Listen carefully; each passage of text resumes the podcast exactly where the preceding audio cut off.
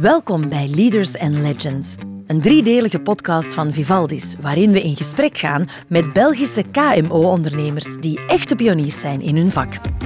Samen met onze inspirerende gasten duiken we in het leven van de meest spraakmakende figuren uit de geschiedenis. Wat hebben ze met elkaar gemeen? Wat kunnen we van hen leren? En misschien realiseer jij je dan wel dat er ook in jou een echte pionier schuilt. Dus leun achterover en laat je meeslepen door leaders en legends. Vandaag duiken we in de wereld van stenen. Klinkt abstract? Wel, wacht tot je Matthias Pitoors ontmoet, de bruisende kapitein achter Heile Ceramics uit het gezellige Rumst in het hartje van de Ruppelstreek. We trekken een verrassende parallel tussen Matthias en de gebroeders Wright. Inderdaad, die vliegende helden uit de luchtvaartgeschiedenis. En geloof het of niet, maar zowel Matthias als de Wright-broers zijn echte doe-het-zelvers. Zonder fancy diploma's, maar barstensvol ondernemersgeest en doorzettingsvermogen. Matthias, heb ik u eer aangedaan. Welkom. Eerst een beetje een persoonlijke vraag om het ijs te breken misschien. Je bent een busy man. Je vertelde mij daarnet al dat je toch ook een geëngageerde vader bent. Maar wat doe jij, Matthias, om je te ontspannen? Wat doe ik om te ontspannen? Ik loop heel graag. Dus uh, ik probeer drie keer per week te gaan lopen, eigenlijk. Ja, dat doe ik mijn batterijks wel opladen. Ontspant mij. Ik doe dat ook zonder oortjes. Ah, ja, ja, geen muziek of zo. Geen muziek. Geen podcast. Die, die luister ik in de auto. Ja? Maar, ja, toch wel. Maar uh, nee, als ik ga lopen, is het zonder muziek. En dat ontspant mij eigenlijk enorm. Matthias, je bent ondertussen de vierde generatie bij Heile Ceramics, een prachtig familiebedrijf. Al echt vier generaties familie van jou aan het roer. Komt niet vaak voor. Maar stel jezelf eens voor, wie ben jij? Klopt, ik ben uh, Matthias Pitoors, effectief de vierde generatie van een mooi familiebedrijf. 35 jaar, sinds vorig jaar uh, gelukkig getrouwd, twee kindjes, dochter van drie, zoontje van zes jaar. En sinds begin dit jaar eigenlijk zaakvoerder, de zaak overgenomen van mijn moeder. De zaak bestaat volgend jaar in februari 25 jaar, dus we gaan naar een jubilee. Hoe 25 jaar? Ja, klopt. En vier generaties? En vier generaties. Het is effectief wel iets om uit te leggen. Mijn grootvader en zijn vader hadden nog een productiebedrijf. Dus echt, ze gingen echt de klei ontginnen en bakstenen maken. De Ruppelstreek is daar bekend voor, hè? Klopt, hè? dus uh, ze zaten echt in het midden van de schorren tussen de kleiputten. Wij zitten daar nog altijd trouwens. Maar die productie heeft mijn grootvader eigenlijk verkocht. En mijn moeder heeft een, eigenlijk een doorstart gemaakt met Highland Ceramics. Maar ja, in dat opzicht ben ik de vierde generatie. Die daarmee bezig is met die materie. Klopt, ja. inderdaad, inderdaad. Dus we hebben nog altijd vandaag de dag een stukje eigen productie, maar het merendeel van die productie heeft mijn grootvader destijds verkocht. En Highland Ceramics is een doorstart geweest. En vandaag is die eigen productie een 20% van onze omzet. Onder welke naam heeft jouw overgrootvader het dan ooit opgericht? Heilen. Gewoon Heilen. Heilen. Ja, Duidelijk. Dan heeft, uh, is het Highland Trading geworden en dan, nu is het vandaag Highland Ceramics. Ja. En vertel eens iets meer over die Highland Ceramics. Wat, wat het vandaag is. Wat doen jullie vandaag? Vandaag ja, hebben wij contact met 14 uh, fabrikanten uit heel Europa, die dus gevelstenen en uh, dakpannen maken. Wij mogen die volledige productie eigenlijk verdelen in België en een stukje Nederland. We hebben de exclusiviteit van 14 ja, prachtige fabrikanten uit Europa voor België en Nederland. Ja. Dus jullie zijn van volledig fabricatie inderdaad vooral naar distributie. Klopt. Maar ook een adviseursrol, las ik uh, op jullie website. Ja, klopt. Dus wij staan in zeer nauw contact met de architect ja. om echt te gaan luisteren voor zijn, voor zijn project, welke type steen of dakpan hij nodig heeft. En hebben wij natuurlijk de, ja, de, de kans om bij die 14 fabrikanten te gaan zien wat eigenlijk het beste aanleunt voor het project dat die architect voor ogen heeft. Dat kan een bepaalde kleur zijn die afwijkt van het normale, Ja. een bepaald formaat dat afwijkt van het normale. En op dat vlak ja, kunnen wij dan vrij kort eh, op de bal spelen. Maar jullie product is geen klein detail. De look van een huis is de steen die gebruikt wordt om het Ja. huis af te werken. Dus jullie moeten mee die visie van die architect echt wel proberen Ja. te Ja, graspen. klopt. klopt. Zeg je dat in Nederlands, wat je als graspen? Ja, ik weet het niet. Ermee voor zorgen dat het een succes Omarmen. wordt. Ja, omarmen, voilà. Maar nee, dus dat is wel dat is het leuke aan ons product, is dat je ja, in de straat het gewoon tegenkomt. Je bent soms anderhalf jaar op zoek naar het juiste product. Loop jij zo rond als je op straat loopt? Ik moet wel opletten dat ik niet te veel met mijn ogen links en rechts en naar boven aan het kijken ben. Dus uh, absoluut, dat is een beetje... Uh, beroepsmisvorming ja, beroepsmisvorming. Klopt, inderdaad, inderdaad. Dat is zo. Maar het is wel fijn dat je af en toe uh, ja, mooie gebouwen tegenkomt waar dat je wel ja, hard, voor, hard voor hebt meegewerkt of gezocht. En jullie hebben een geweldige showroom aan het MAS, hè? Klopt, inderdaad. Sinds vier jaar hebben we een, een eigen showroom waarin dat we architecten ontvangen, maar ook gewoon ja, bouwheren, particulieren die een droomwoning gaan bouwen. Die ontvangen we daar en die begeleiden we in hun, in hun steenkeuze, klopt. Maar jij zit in Rumst, of zit jij dan ook aan het mas? Beide. Beide. Ik behoud zo één dag in de week om, uh, om die voeling met, uh, echt met de markt uh, te behouden. En de andere dagen zit ik op de baan of ja, in het kantoor in Terhagen. Dus ja. klopt. We willen graag een parallel maken tussen jou en de gebroeders Wright. De broers Wright zijn in december 1903 erin geslaagd, ze heten Orville en Wilbur Wright, om met een zelf ontworpen en gebouwd vliegtuig een gemotoriseerde en bemande vlucht te maken. Voor de volle minuut. En ze deden dat op de zachte duinen van North Carolina. Maar het waren dus wel echte pioniers. We kennen ze vandaag als hè, die twee broers die die eerste stappen hebben gezet. En ze hadden vooral ook een, een visie. Nu, jij bent vierde generatie. Vind je dat moeilijk om, om een eigen stempel door te drukken, hoewel je dus toch al wel in voetsporen treedt? Ik heb het geluk wel dat mijn moeder mij vrij veel vrijheid heeft gegeven. Ik heb natuurlijk dat vertrouwen moeten winnen.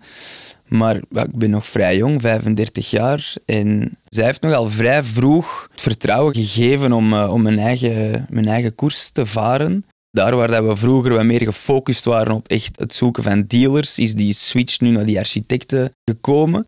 Ik moet zeggen dat ik daar niet heel veel last van heb gehad en dat ik nogal veel vertrouwen heb eh, mogen krijgen van de vorige generatie, om het zo te zeggen. We hebben een aantal anekdotes over die Wright-broers, eh, waar ik heb gezocht naar misschien een aantal parallellen tussen jullie. En eentje daarvan ben ik heel benieuwd trouwens bij jou.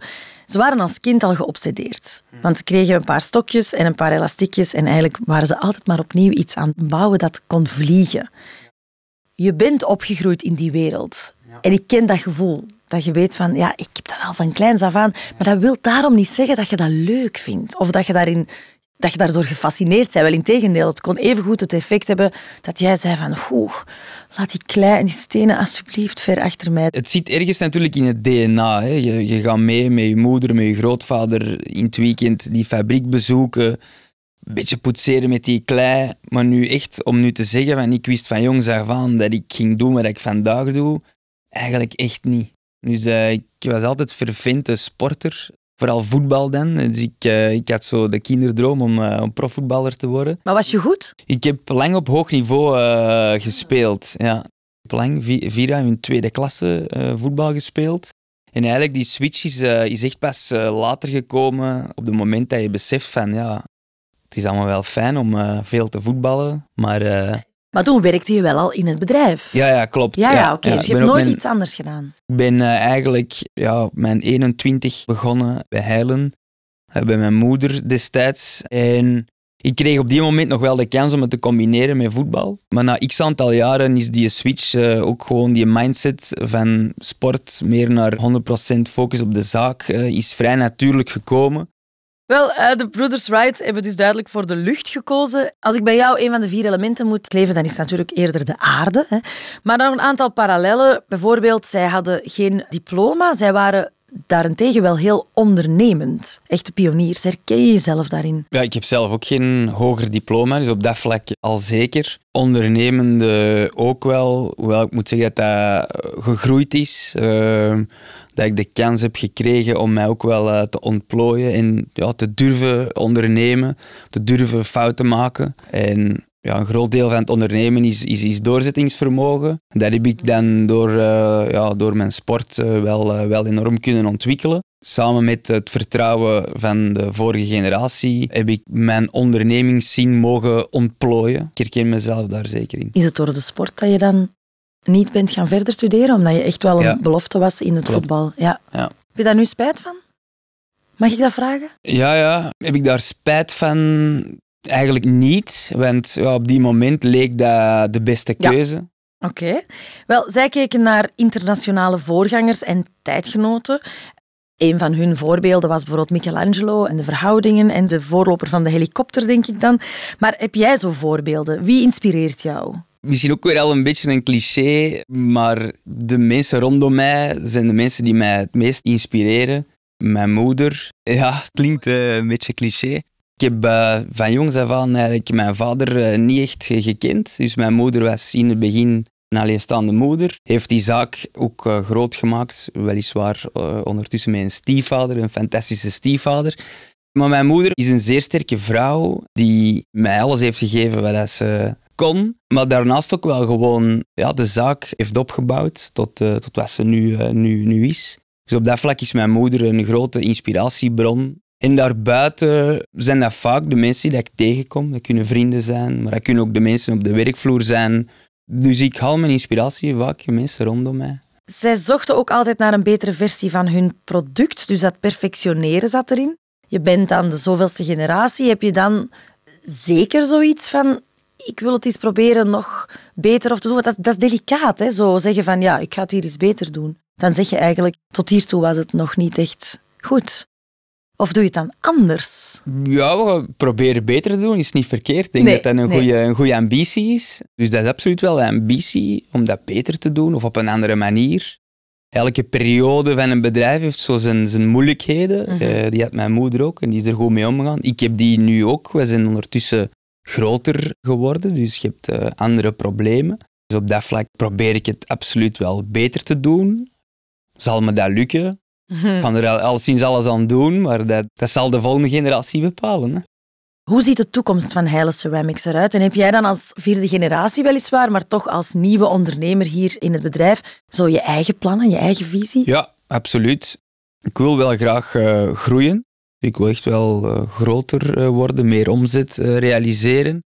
Maar verder ook wil ik die cultuur, die dat er zeker al wel is, binnen Heilen ja, echt wel uitbouwen. Een, een, echte bedrijfscultuur neerzetten. Ik moet zeggen, als je van ja, twee jaar geleden zaten we met, met zes mensen op kantoor. Vandaag zijn het er veertien. En als je wilt groeien, heb je een, heb je een cultuur nodig waar je op kan mm -hmm. bouwen. Dus die cultuur wil ik, wil ik, wil ik breder, breder uitbouwen.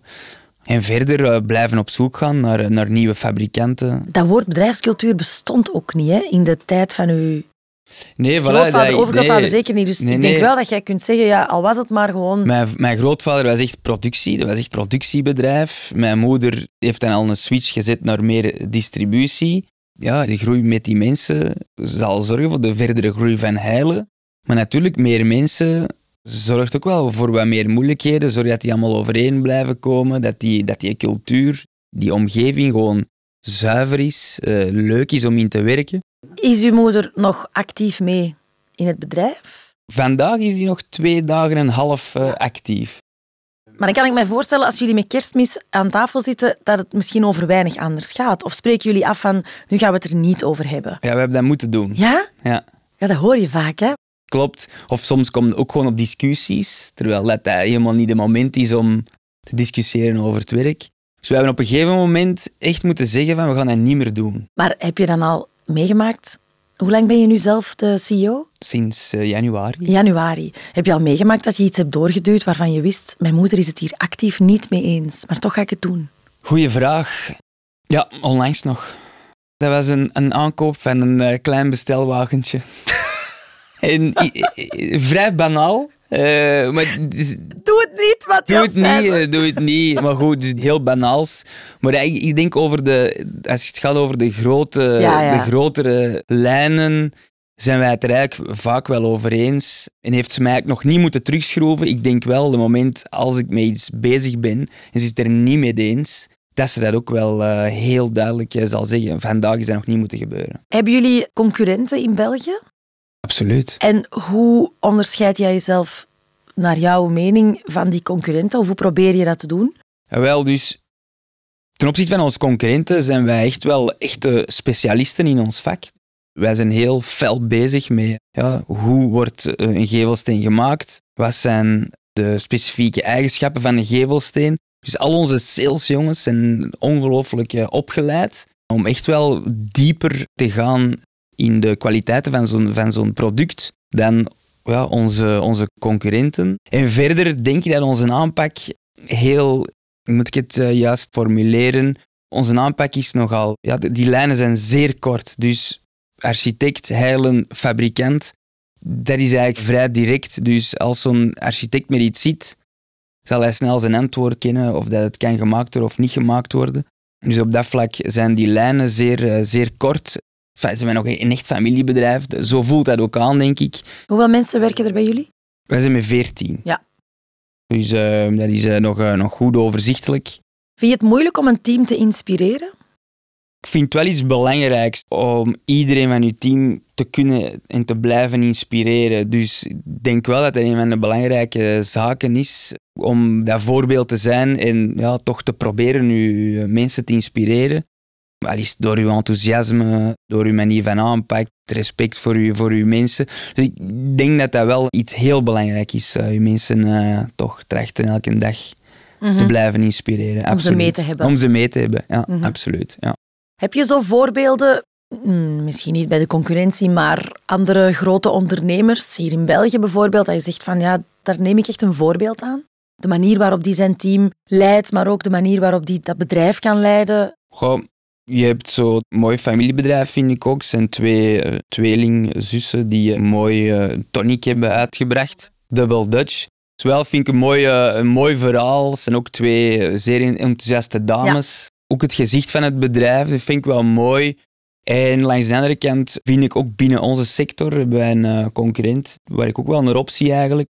Ook een familiebedrijf. Ja. Het is niet te vergelijken met ons, ze zijn veel groter. Van der Zanden noemen ze. Dat zij er eigenlijk vrij goed doen om, ja, ook als je groeit, ervoor te zorgen dat die familiewaarden en normen, dat die wel blijven. Dus dat vind ik uh, mooi. Aan, uh, Trouw blijven aan. Ja, de familiewaarden en normen, dat is vooral uh, respect naar je personeel, kort bij je mensen staan. Ja, ook natuurlijk ervoor zorgen dat de deel van de familie ook wel actief blijft in het bedrijf. Zijn er mensen die bij jou werken die nog bijvoorbeeld met jouw grootvader gewerkt hebben? Ja. Ja? Ja, ja, ja, overgrootvader. Ja. Nee, die niet meer. Nee, die niet meer. Nee, dat kan niet. Maar Els, ja, de, dat is onze ja, logistiek, administratieve medewerkster. Die uh, heeft nog bij mijn grootvader gewerkt, absoluut. Wie is jouw ideale werkkracht? Laten we het daar eens over hebben. Waar let jij brood op als je iemand aanneemt? Ik weet niet of jij daarbij bent bij die gesprekken, want in een familiebedrijf kan ik me voorstellen, werkt daar trouwens ja, veel familie voor de rest nog? Of, of moet ik het zo niet zien? Jawel, je hebt mijn moeder, mijn stiefvader en mijn stiefbroer. We zijn met vier van de familie. Oké. Okay. En als je nu een nieuwe werkkracht zoekt, wat vind jij belangrijk? Wat vind ik belangrijk bij het zoeken van een nieuwe werkkracht? Dat is enthousiasme, ambitie, een soort van zelfzekerheid. Moeten ze al iets van de business kennen? Voor mij niet. Voor mij niet, nee. Ik heb graag mensen die zich nog meer laten inspireren door ons als bedrijf, zodanig dat je die een beetje kan kneden. En een positieve uitstraling. Op dat vlak recruteer ik mensen vaak op het gevoel dat die uh, mensen mij geven.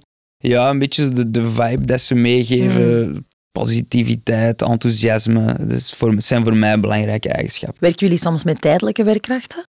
Absoluut, absoluut. We zijn ook heel blij dat die er zijn. Is dat seizoensgebonden? Voor ons is dat belangrijk voor onze productie. Op het moment dat er grote orders binnenkomen, dat we bij wijze van spreken niet kunnen volgen, dan doen wij beroep op tijdelijke werkkrachten. Heel blij dat die kunnen komen helpen. Wat zijn voor jou de grootste obstakels op dit moment als ondernemer, al dan niet specifiek in jouw sector, of algemeen als ondernemer in België vandaag? De obstakels uh, vandaag ervoor zorgen dat je mensen toch wel gelukkig kunnen blijven op hun job. Het leven is eigenlijk vrij snel en hard. Als je het dan hebt over die obstakels, dat vandaag de dag als bedrijf toch wel moet opletten hoe dat je mensen zich voelen. Terwijl vroeger ja, moest je mee en als je niet mee kon, dan werd je aan de kant gezet. Dus eh, ik denk dat vandaag de dag ja, een, een obstakel kan zijn als je daar geen rekening mee houdt. Dus je moet echt wel uh, met je mensen bezig zijn, zorgen dat die, die combinatie werk en het, uh, het leven thuis, in de weekends en, en na de uren, dat er allemaal samenkomt. Dus ik zie dat uh, niet als een obstakel, maar een uitdaging. En ik wil dat tot een goed einde brengen. Ik vind dat wel belangrijk. Mooi. Heb je tenslotte nog een, een advies voor startende ondernemers? Een advies voor uh, startende ondernemers. Probeer door te zetten. Probeer je te omringen met goede mensen. Blijf dicht bij jezelf. Blijf dicht bij jezelf, ja, inderdaad, absoluut. Blijf dicht bij jezelf. Zijn er zaken waar je je niet goed bij voelt? Geef dat door aan mensen die daar misschien beter in zijn. Recruteer goede mensen. En investeer in goede mensen, absoluut. absoluut. En zorg dat ze blijven. Maar kijk naar Els. Ze zit al drie generaties heilen ja. bij het bedrijf. Ja, maar dat zegt absoluut. ook iets over jullie als werkgever, vind ik. Ja, wel, voilà. Dat is wel iets wat ik zeer belangrijk vind. Goede mensen lang kunnen houden. En ook eh, veel vertrouwen geven aan je, aan uw mensen. Op een gegeven moment eh, recruteer je ze, neem, werf je ze aan. Ga er dan ook voor. Ge- Geef ze hun vertrouwen. Zorg dat ze zich kunnen ontwikkelen, ontplooien. Ja, investeer in je mensen, absoluut. Heb je zo'n voorbeeld van iemand die bij jou werkt dat je zegt van wauw, de evolutie van die persoon, die komt van... Ja, absoluut. Ik heb een anderhalf jaartje geleden iemand aangeworven die nog uit de sportwereld kwam, die nog nooit een, een verkoop had eh, gerealiseerd. En die zit nu bij ons in ons sales team. Die doet dat zeer goed. Die zit vandaag trouwens in een eh, salesopleiding. We geven die wel de nodige opleidingen mee, maar ook daar zie je dat je, ja, als je uit het juiste hout eh, gesneden bent, dat je er wel komt. En je hoeft daarom niet uit de branche te komen of een Of uit het, diploma te het hebben. juiste klei geboetseerd in jouw geval. Ja, voilà, absoluut. Mooi, eh, mooi verwoord. Matthias, mag ik jou ongelooflijk bedanken voor deze inzichten en voor een kleine sneak peek in de wonderwereld van Heile Ceramics. Dank u, jullie bedankt.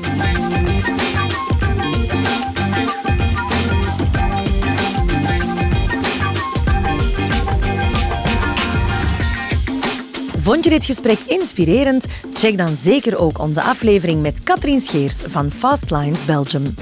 We duiken samen in de wereld van de stoere zeevaarders en legendarische vrouwelijke pioniers uit onze geschiedenis. Bedankt om te luisteren en onthoud, denk groter dan je bent.